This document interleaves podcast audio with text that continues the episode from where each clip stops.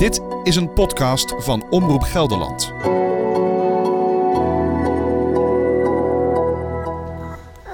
En wat vind je ervan, 100 woorden? Niet leuk, Vertel maar even waarom niet. want dan kan je niet meer eten. Ik ben Vera IJsink, radiomaker, camerajournalist en de moeder van twee dochters. Je hoort mijn oudste dochter Emma. Ze is inmiddels zes en ze heeft het over de dood. Skelet. Uh, want dan kan je niet meer aankleden. Mijn vriend Melvin over het einde van het leven. Dan zou ik kiezen voor uh, gevende wetenschap. Dat vind ik nog steeds een mooi nobel doel.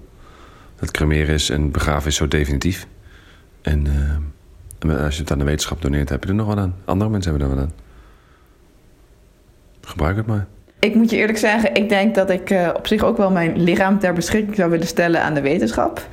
Maar met de restjes van mijn lichaam zou ik, uh, uh, denk ik, toch wel gecremeerd willen worden daarna. En dit is Sophie, een vriendin die ik al ken vanaf mijn basisschooltijd. En, en dan worden uitgestrooid over de berg of zo. Ja, dat lijkt me wel leuk. Of bijzonder. Welkom bij de podcastserie Zo leven jij en ik in 2040. In deze aflevering sta ik stil bij de dood. Kiezen mijn dochters Emma en Louise ervoor om begraven te worden of gecremeerd? Of laten ze hun lichamen oplossen? Zelf praat ik niet graag over de dood. Het raakt mij nogal op de fiets terug naar alle interviews. Dan zit ik op een fiets.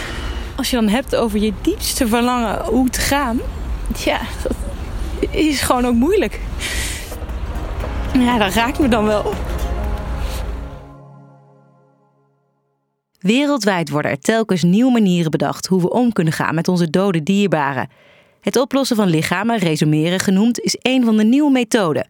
In Amerika wordt het al toegepast. So I'm going to walk you through the resumation process.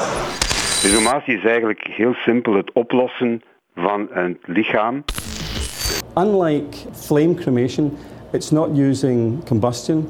It will use a water and alkali process. Er wordt een uh, alkalische oplossing gebruikt, een soort zeepoplossing. Dat is een hoge een base, hoge pH-waarde. Wordt onder druk gebracht, de temperatuur wordt iets verhoogd en dan blijkt dat het lichaam uh, uh, oplost in, in zo'n bad met loog. Dat is ook een ander woord daarvoor. And that water and alkali process will chemically reduce the body to ash in a similar time to cremation. Door die verhitting kookt eigenlijk een, het lichaam en lost het lichaam op. And then after the process is completed, and then the bone and any prosthetics that are in the bone are actually um, left on this. In dat water, wat er overblijft, is eigenlijk het, uh, het beendergestel en eventueel implantaten en zo. And then it automatically releases the fluid to be recycled to the city. Ik, ik weet dat er in Amerika bedrijven zijn die lozen op, op oppervlaktewater. Het is een chemische oplossing. Er, er, zitten ook resten van mensen in. En dat, dat lijkt, lijkt me niet helemaal logisch om het zomaar te lozen op het oppervlaktewater. Dat is naar mijn idee onvoldoende onderzocht. Dat zou nader onderzocht moeten worden of dat inderdaad kan. We zijn daar bezig om een wetswijziging voor elkaar te krijgen. Om de techniek resomeren, ook wel biocremeren genoemd, te introduceren. Spanje. Dus uiteindelijk eindig je in een waterzuiveringsstation. Dit, nu, technisch is dat geen probleem, maar ethisch is dat natuurlijk een huizenhoog probleem.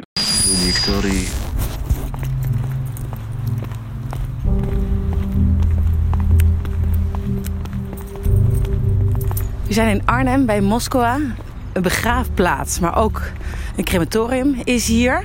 André Kruimer, locatiemanager. We hebben een, een, gang onder de grond, de laatste gang zo gezegd. En die zorgt dat de overledene in het crematorium komt. Dus het lichaam zakt naar beneden? Ja, die, in de kist? die daalt, die daalt met een lift. En uh, dat, dat kan in de aula gebeuren. En dan gaat het door de gang heen, komt het naar het crematorium. Die gang is ongeveer een meter of tien lang. En ja, dat is wel een bijzondere gewaarwording. Maar de familie, we gaan nu met de lift, uh, de buitenlift zoals dat is, de, die de familie ook gebruikt als ze bij de invoer aanwezig willen zijn. Oké, okay, dan gaat de familie dus zo de lift in.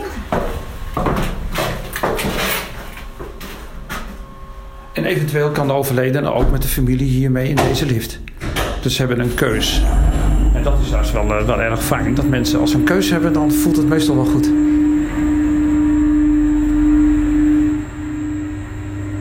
Terwijl ik hier op het punt sta het crematieproces te gaan bekijken met de lift richting de gasovens, werp ik tussendoor alvast een blik vooruit.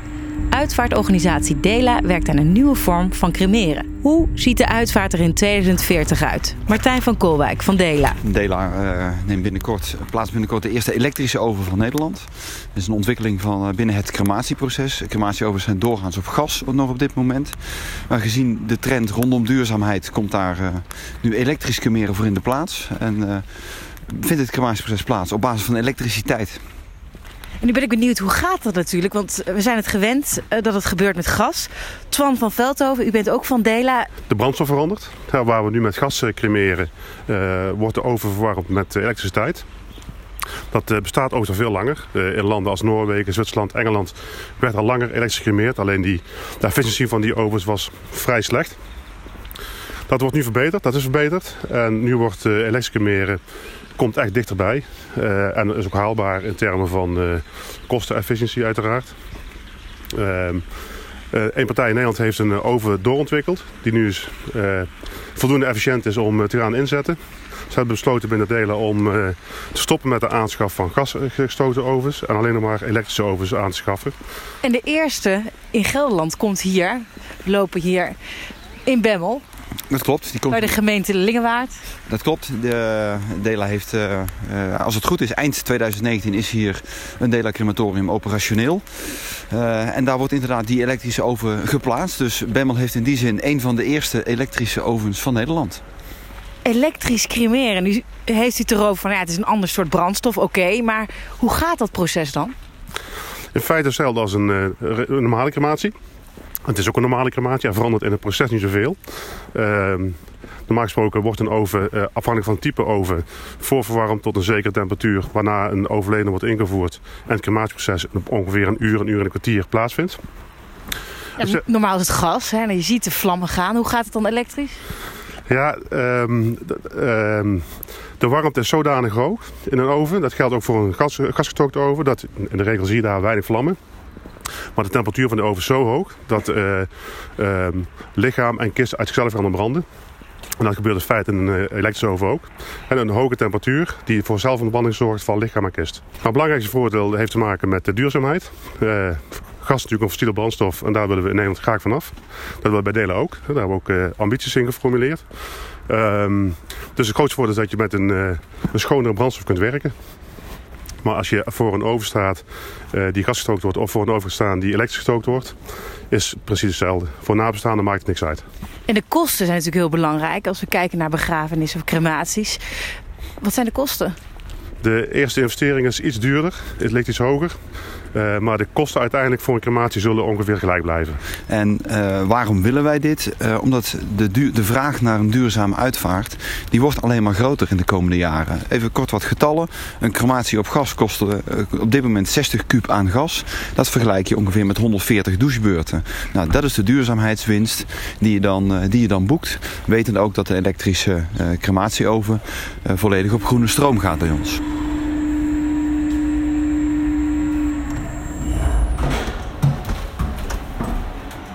Terug naar het crematorium en begraafplaats Moskwa in Arnhem. Oh, kijk.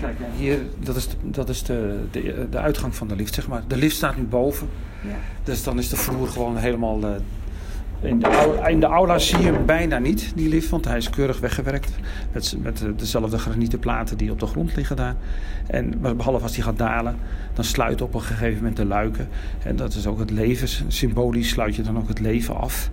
En, ja, en hier gaat het laatste stukje verder. Dan gaat de overledene in de kist de laatste gang door. Ja, en dan uh, wordt hij geplaatst door medewerkers van, uh, van Moskwa. Of ook de familie kan dat zelf doen op de invoertafel voor de crematieoven. En dat is deze tafel. Ja. En dan kijken naar de oven en dan zien we een tafel. Dat is de, de invoertafel. Daar wordt de, de overledene in de kist wordt daar opgelegd. En dan als de oven op temperatuur is, dan zorgt er een duwstang voor dat de overledene met familie die erbij is, is eventueel uh, in de oven geschoven wordt. Het ziet er heel klinisch uit. Hè? Het is roestvrij staal. kun je goed schoonhouden. En ja, als er een houten kist op staat, dan is dat natuurlijk alweer een hele andere uitstraling dan dat je nu alleen een kale tafel ziet.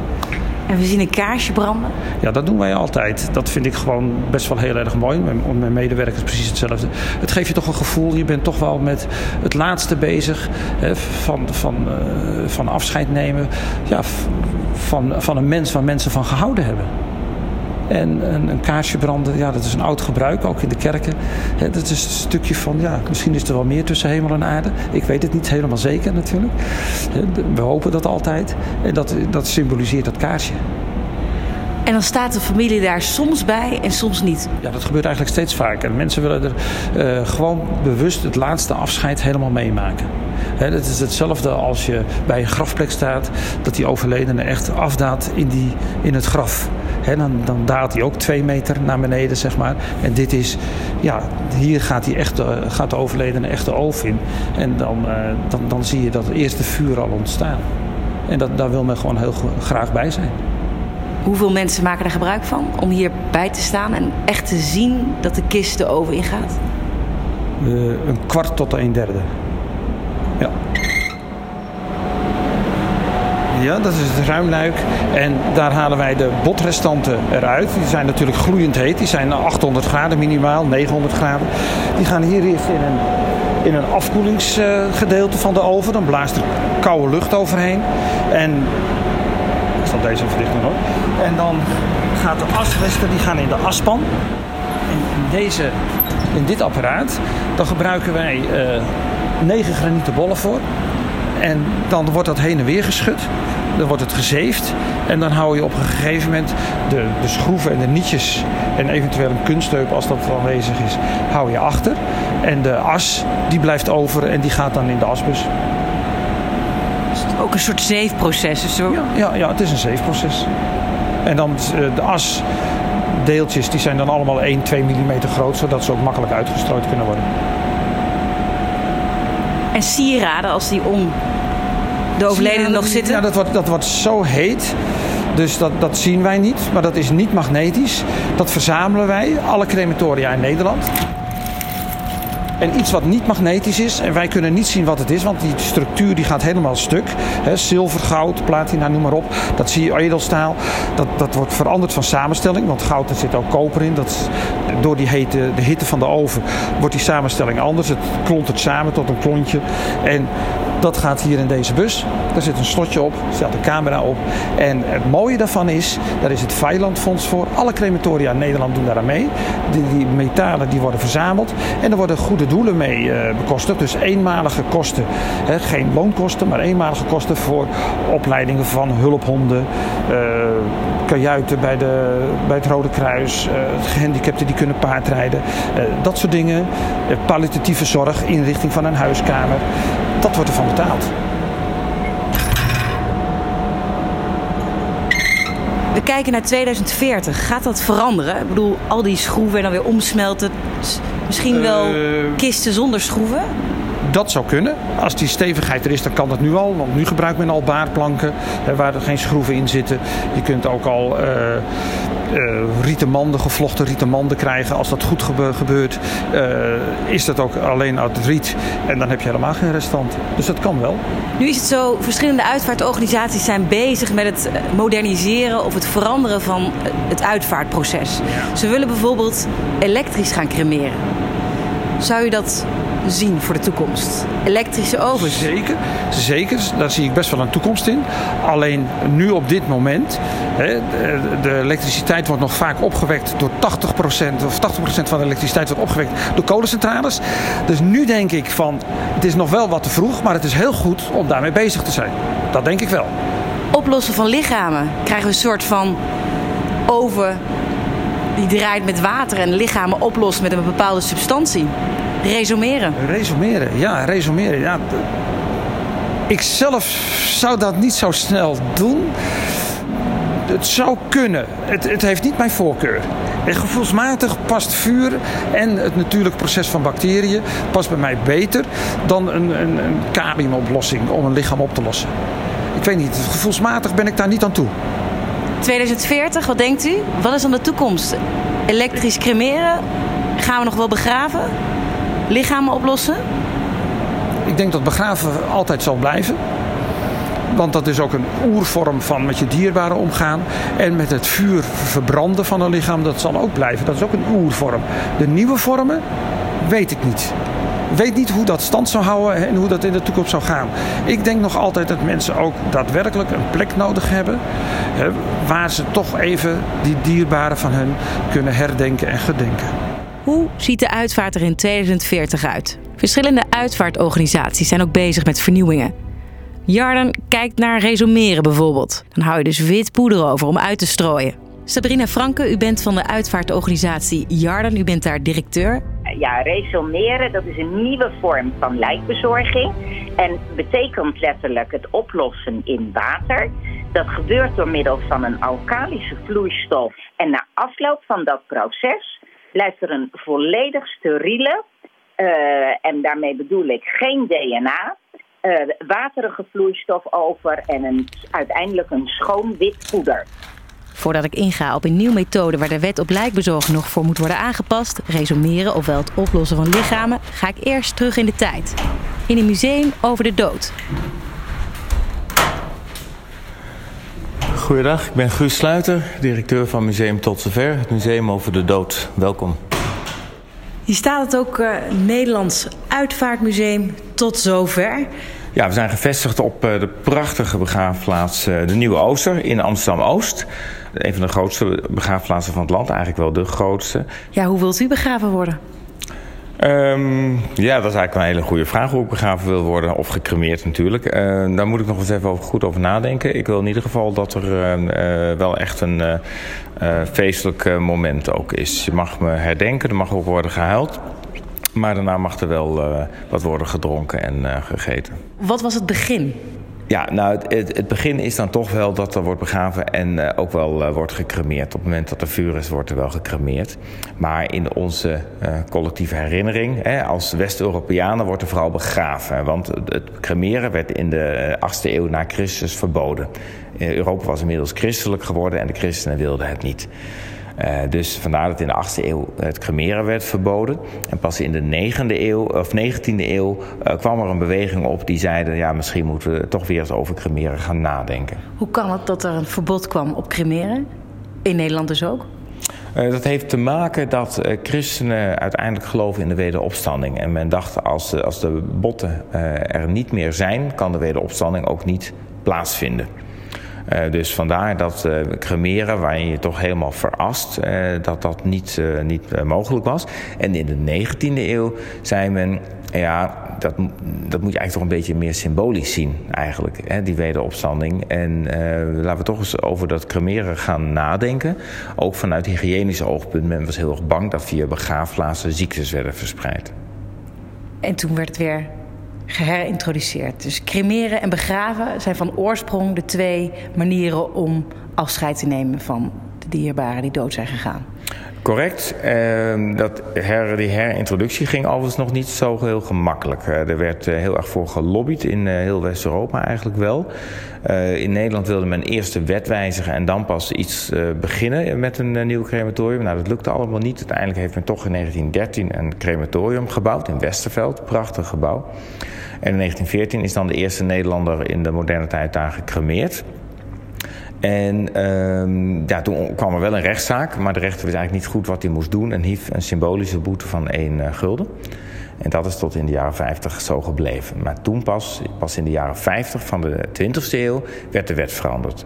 Nu wordt de wet mogelijk weer aangepast door Ollongren, de minister. Want misschien gaan we lichamen wel oplossen. Er wordt overigens ook gesproken over een soort van vriesdrogen, cryomeren. Dus er wordt wel gewerkt aan, aan nieuwe uh, oplossingen, nieuwe mogelijkheden.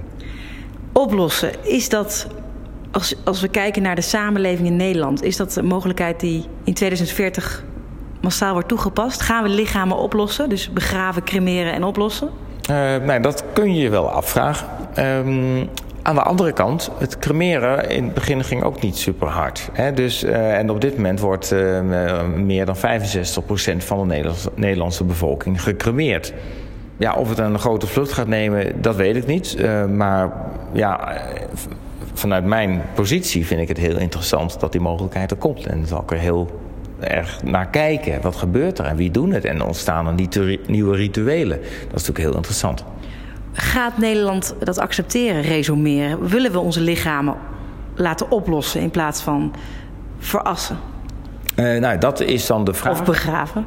Ja, nou ja, kijk, de groepen die zich nu. Uh, want de, zeg maar, de toename van cremeren ten opzichte van begraven heeft op een gegeven moment wel een, een soort eindigheid, zou je denken. Of, hè, dat, uh, want orthodoxe christenen, moslims, joden, die hebben er nog steeds veel moeite mee op dit moment. Dus op korte termijn zal, zal dat niet heel sterk verder groeien, het cremeren, denk ik. Maar of er dan ruimte is van de mensen die zich nu laten cremeren om te kiezen voor resumeren.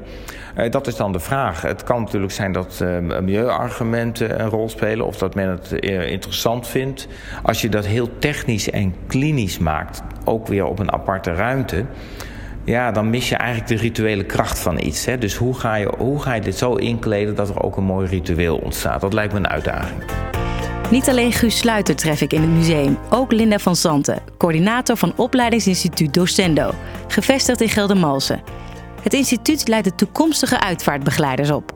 Docendo is een uh, opleiding uh, voor uh, uitvaartzorg en postmortale zorg. Oftewel het stukje wat we doen met uitvaart begeleiden, maar ook daarvoor de verzorging van overledenen. Wat leert u dan uw studenten? Dat er allerlei mogelijkheden zijn en dat het heel belangrijk is om met de familie dat ook te benoemen en te kijken van oké, okay, er zijn natuurlijk een aantal aspecten waar je rekening mee moet houden. A, vanuit een bepaalde religie, maar ook vanuit een bepaalde gewoonte. Uh, de mogelijkheden uh, die er zijn. Wat zijn de mogelijkheden als we kijken naar cremeren en begraven in Nederland? Um, nou, eigenlijk kun je overal uh, nog steeds begraven worden. Soms uh, is er uh, absoluut wat, wat ruimtetekort, maar is het nog wel mogelijk. Gelderland biedt tegenwoordig ook natuurbegraafplaatsen. En dat is een hele mooie nieuwe vorm ook van begraven, waarbij je dus geen grafsteen meer hebt, maar waar je op een in feite uh, natuurlijke en ook duurzame manier uh, mensen weer uh, begraaft. Dus dan wordt er ook rekening gehouden dat er in principe geen kist, maar vaak een lijkwade gebruikt wordt of een hele snel afbrekende kist. er is ook daarna geen grafmonumentje, geen teken van dat mensen daar liggen. Maar het zijn vaak grote natuurgebieden waar, waar een specifiek doel aan is gegeven. Met de wetenschap van oké, ja, we gaan weer in de aarde zoals we dat in feite gewend zijn uh, al jaren, al eeuwen te doen. Ook omdat we uh, nog steeds vasthouden aan die plek uh, en aan die begraafplaatsen. Dat wordt ook nu al zeker gesteld. Dus ik verwacht dat dat in 2040 nog steeds zo bestaat. Ook nog steeds met een steen? nog steeds met een steen, hoewel dat misschien voor een aantal mensen een minder grote betekenis heeft, maar wel een plek om naartoe te gaan. Dus ook zo'n natuurbegraafplaats waar je bijvoorbeeld ligt zonder steen. Absoluut. Ik denk dat dat iets is waar mensen uh, steeds meer en meer naar gaan vragen, omdat ze wel uh, uh, begraven willen worden. Dus voor zichzelf moeite hebben met een andere vorm van begraven. Maar dat ze dit wel op een hele mooie natuurlijke manier vinden. En daarom zich daar ook aan willen conformeren en zeggen van oké, dat zou voor mij een alternatief zijn ten opzichte van het in een rijtje liggen op een begraafplaats. En die steen, wordt die dan hergebruikt, gerecycled? Ik denk dat er zijn, zeker meer en meer mensen zullen zijn die zich uh, bedenken van... hé, hey, zo'n steen kan nog een keer gebruikt worden. En uh, ik verwacht ook wel dat dat een beetje in 2040 meer gebruikelijk wordt. Omdat je ziet dat de huidige stenen die geplaatst worden... vaak van ver weg komen, China, India. dat brengt natuurlijk een hoop vervoerskosten met zich mee. Dus we zien in 2040 gerecyclede grafstenen. Ik denk dat je her en der gerecyclede grafstenen ziet. Of in ieder geval een grafsteen die veel meer uit onze omgeving vandaan komt. Dat daar in alternatief uh, gevonden wordt. En de kist, blijft die hetzelfde? Als er gekozen wordt voor een kist met de begrafenis? Als je kijkt naar de huidige varianten die er al zijn is er al heel veel te kiezen. Van uh, het uh, massief eiken tot en met een heel licht uh, IEP-model. er wordt al is dat niet een probleem? Juist zoveel keuze is het niet duurzaam natuurlijk.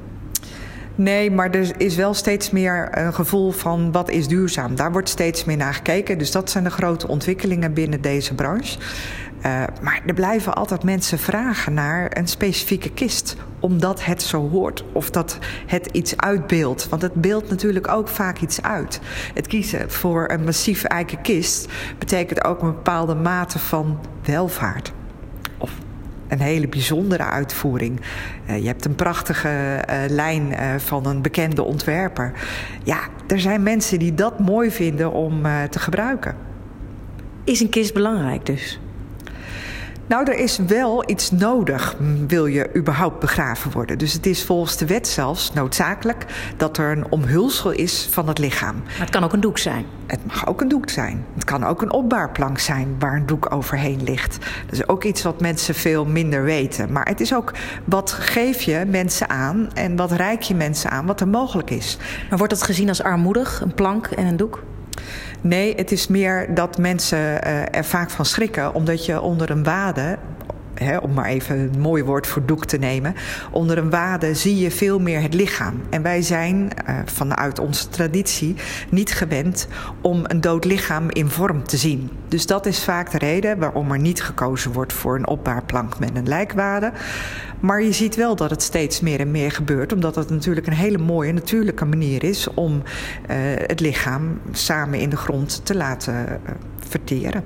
Zijn er mensen die bezig zijn met een uitvaart zich niet bewust van de gevolgen voor het milieu? Kiezen ze meer op hoe het eruit ziet dan wat de gevolgen zijn?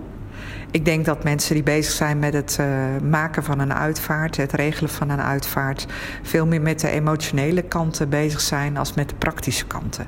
En dat daar ook een taak ligt voor uh, de uitvaartverzorgers om op een goede, nette manier wel mensen daarin mee te nemen. En te zeggen van oké, dit zijn de keuzes, uh, dit kan. Uh, en ik denk een andere optie is, die zeer zeker in 2040 anders zal zijn, is de regelgeving. De regelgeving van begraafplaatsen. Die zich ook moeten verantwoorden over van wat komt er in de grond en hoe wordt dat verwerkt. En hoe verhoudt zich dat in de komende jaren. En dan kijken we nog weer verder naar na 2040 van hè, hoe, hoe kunnen we de huidige manier van begraafplaatsen en het onderhoud van begraafplaatsen op een milieutechnisch verantwoorde manier doen. Dat zal ook in de toekomst steeds meer van belang zijn. Kortom, een verbod op bijvoorbeeld satijn of ja, chemisch gekleurde doeken? Ik denk zeer zeker, want het is nu in feite al uh, verboden om, uh, ik noem maar wat, mobiel, hoe mooi het ook zou zijn, hè, qua symbool van de mobiel gaat mee de kist in. Maar het is voor uh, de grond en, en, en, het hele milieu is het een dramatisch iets. We weten al dat het niet mag met, met cremeren, maar ook in het stukje begraven zou daar veel meer op gelet moeten worden. Zijn er serieus verzoeken vanuit nabestaanden om een mobiele telefoon in de kist te plaatsen? Absoluut. Ja, dat uh, gebeurt echt. En dan gaat het met name om dat er dan nog een voicemailbericht uh, in staat met stem van de overledene, waarvoor mensen uh, dan ze nu dan bellen naar de mobiel in de kist met het idee van dat ligt dicht bij mijn dierbare en dat is een, een stukje om de emotie uh, van het verdriet uh, meer te kunnen kaderen. Maar het is natuurlijk ja, heel slecht voor het milieu. Dus er is geen mobiel de grond in gegaan? Nou, dat durf ik niet te zeggen hoor. Maar formeel mag het niet. Nee, maar het gebeurt wel, dat weet ik.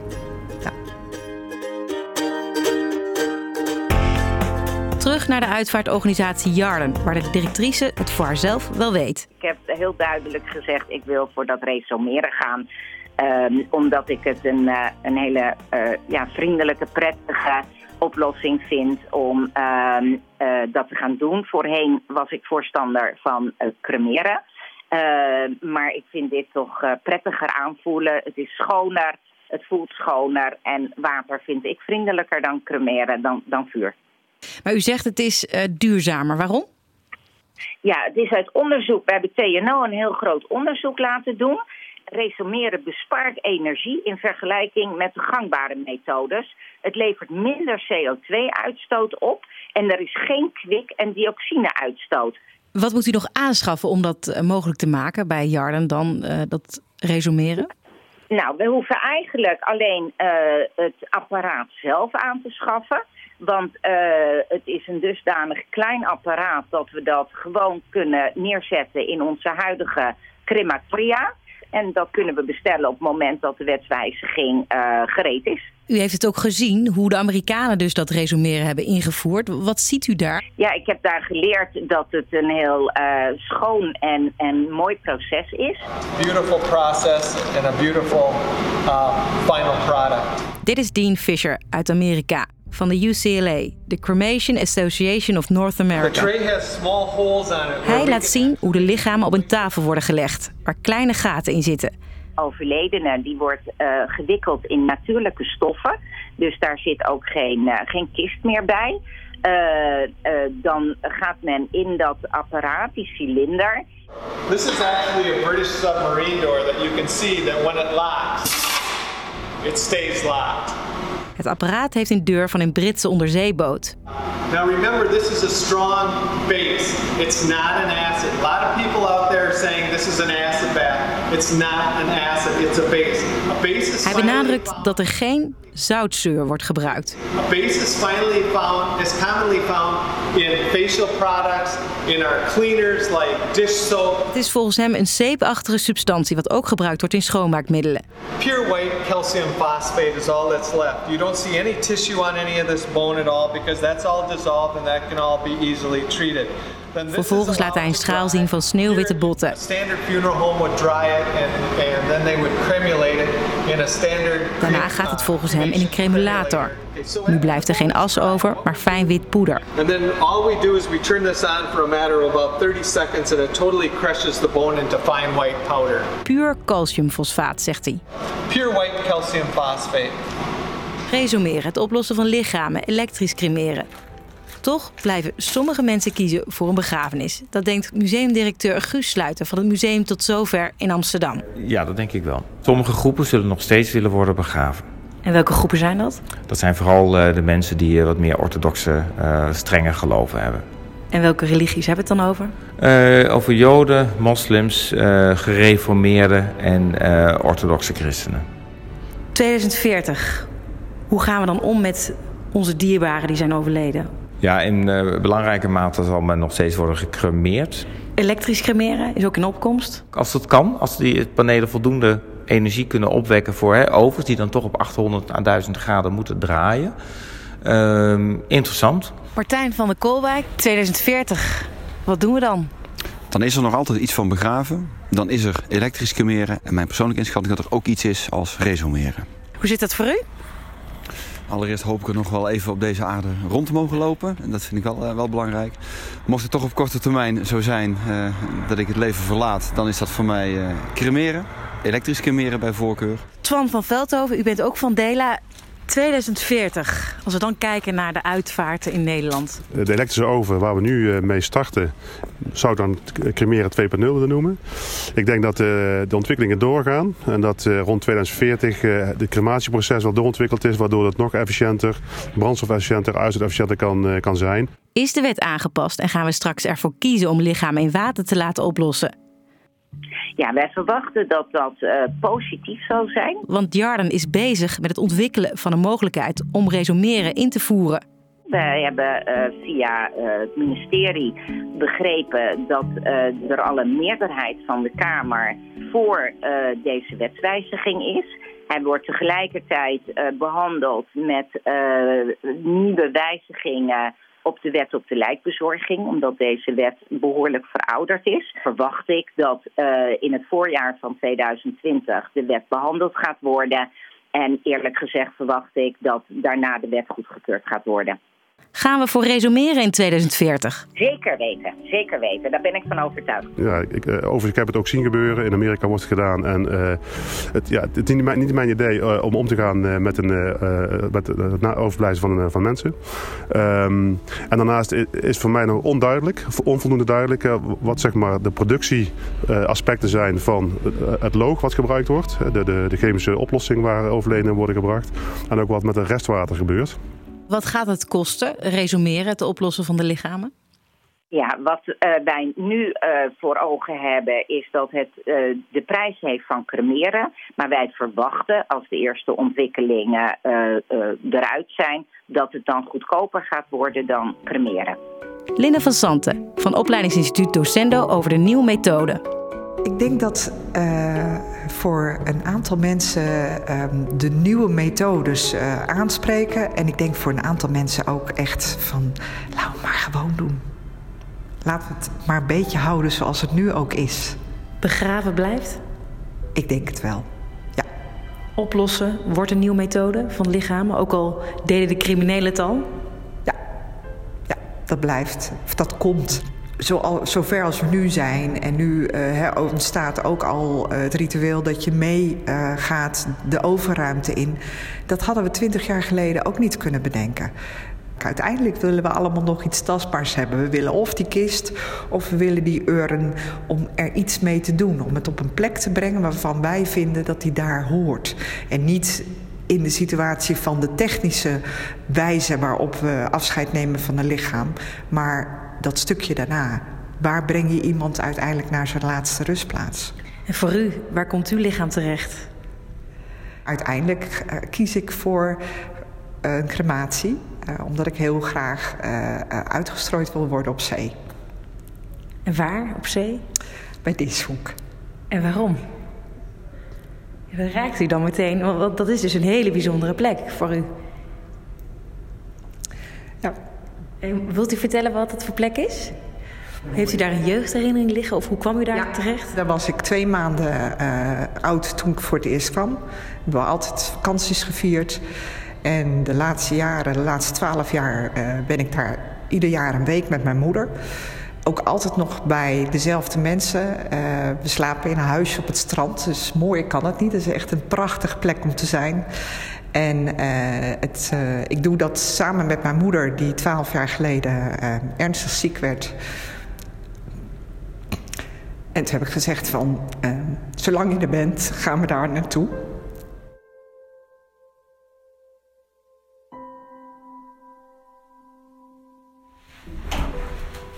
En ik zeg ook tegen iedereen, leg dat nou vast, alsjeblieft, leg dat vast. Guus Sluiter van het museum hier. Terug naar u persoonlijk. U heeft het over uw uitvaart gehad, vrolijke bedoeling. Maar wordt het nou begraven, cremeren, resumeren? Wat gaat u doen? Ja, je zou denken dat ik dat dan weet, hè? Dus dat moet ik nog doen. Um, ik dacht altijd wel, uh, begraven. Want dat, toch dat beetje het romantische idee. Laat ik daar niet omheen draaien. Dat heeft iets heel moois. Maar ik neig nu steeds meer toch naar cremeren. Ik vind dat eigenlijk ook symbolisch wel heel erg mooi. Maar ik moet je daarbij vertellen. Mijn vrouw is uh, uh, van Surinaamse afkomst en is hindoe. Dus misschien moet ik gewoon naar Suriname worden gevlogen. Ga ik daar gewoon op een houtstapel. Want dat vindt u mooi. En dan is het dus het hindoeïsme. Dus buiten verbrand worden. En terwijl de familie om u heen staat. Uh, ja, dat vind ik eigenlijk wel heel erg mooi. Maar ja, dan gaat toch mijn milieugeweten wel weer een beetje knagen.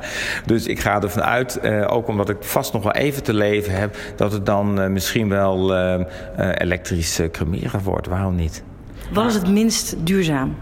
Nou, uh, uh, dat vind ik moeilijk te zeggen. Ik weet wel, als je echt uh, wil besparen op, het, op de uitstoot en dergelijke... dan moet je gewoon op de fiets naar een uitvaart gaan. Dat is het belangrijkste. Aan de keukentafel bespreek ik met mijn vriend en een vriendin wat zij vinden van de nieuwe methode. Nou, ik vind het interessante ontwikkelingen. Te resumeren, teruggaan naar het water. Vind ik interessant. Uh, ik weet niet of er veel gebruik van gemaakt gaat worden. Maar... Nou, dat is ook wel een mooi iets. Dat je je lichaam laat oplossen in water. Dat je zo weer... Want we zijn natuurlijk voor een groot gedeelte water. Dus het is wel mooi dat je dan helemaal door het water weer wordt opgenomen. Dus de, dat de rest ook in water verandert. Dat heeft ook wel iets, ja. En dan hou je witte botjes over. En die worden dan verpulverd. En dan kan je dat ook strooien. Heb je wit poeder. Als je het oplost in water. Okay. Ja, dat, dat blijft over. Er blijft altijd iets over. En dat kan je ook weer uitstrooien. Oké. Okay. Ja, nou ja, dan kun je dat inderdaad uitstrooien. Zoals dat je vroeger met je as deed. Er ontwikkelt wat. Dat is goed, denk ik. Want begraven is uh, niet meer van nu, vind ik. Ik denk dat er inderdaad nog steeds wel uh, mensen begraven zullen blijven worden. Want het gewoon een hele oude traditie is. Maar ik denk zeker dat er ook heel veel mensen kiezen voor uh, allerlei nieuwe manieren. Geen gas over meer, maar elektrisch. Ja, dat lijkt me wel goed voor, de, voor het milieu. Dus dan moeten ze ook even wat zonnepanelen neerzetten. Maar dat lijkt me wel beter voor het milieu. Want ik kan me voorstellen dat heel veel gas nodig is om iemand te verbranden. Ik zou niet weten wat ik zou willen. Ja, wat ik net zei, de wetenschap. Ze mogen mijn lichaam gebruiken voor de wetenschap. Als ze er wat mee kunnen. Hoe denk je dat ik eh, mijn begrafenis zie of uitvaart of crematie? Goed voor, voor het milieu. Lekker duurzaam. Dus ik zou in een wade willen, dus in een doek gewikkeld. En dan zou ik kiezen voor een natuurbegraafplaats. Geen elementen als water of vuur, maar wat vind je ervan? Nou, maar goed dat ik er dan niet, waarschijnlijk niet meer ben. Hoezo? Dan mogen onze dochters dat lekker voor jou regelen en jou in een doek hangen en in de natuur eh, begraven. Waarom dan? Waarom vind je niks? Ja, ik vind dat heel, ehm, ja, heel, heel raar om dat op die manier te doen. Ja, dan zou ik dan een boom als soort markeringspunt willen hebben. Dat wel een plek is. Ja, dat kan. ja, maar als je niet meer bent en iemand anders bepaalt, anders heb je niks te willen. Dus je kan het nog zo hard willen, maar misschien gebeurt het helemaal niet. Nou, lekker verhaal dit. Ja, Nou. is toch zo? Ik ben nog niet mee bezig eigenlijk. Hoort erbij.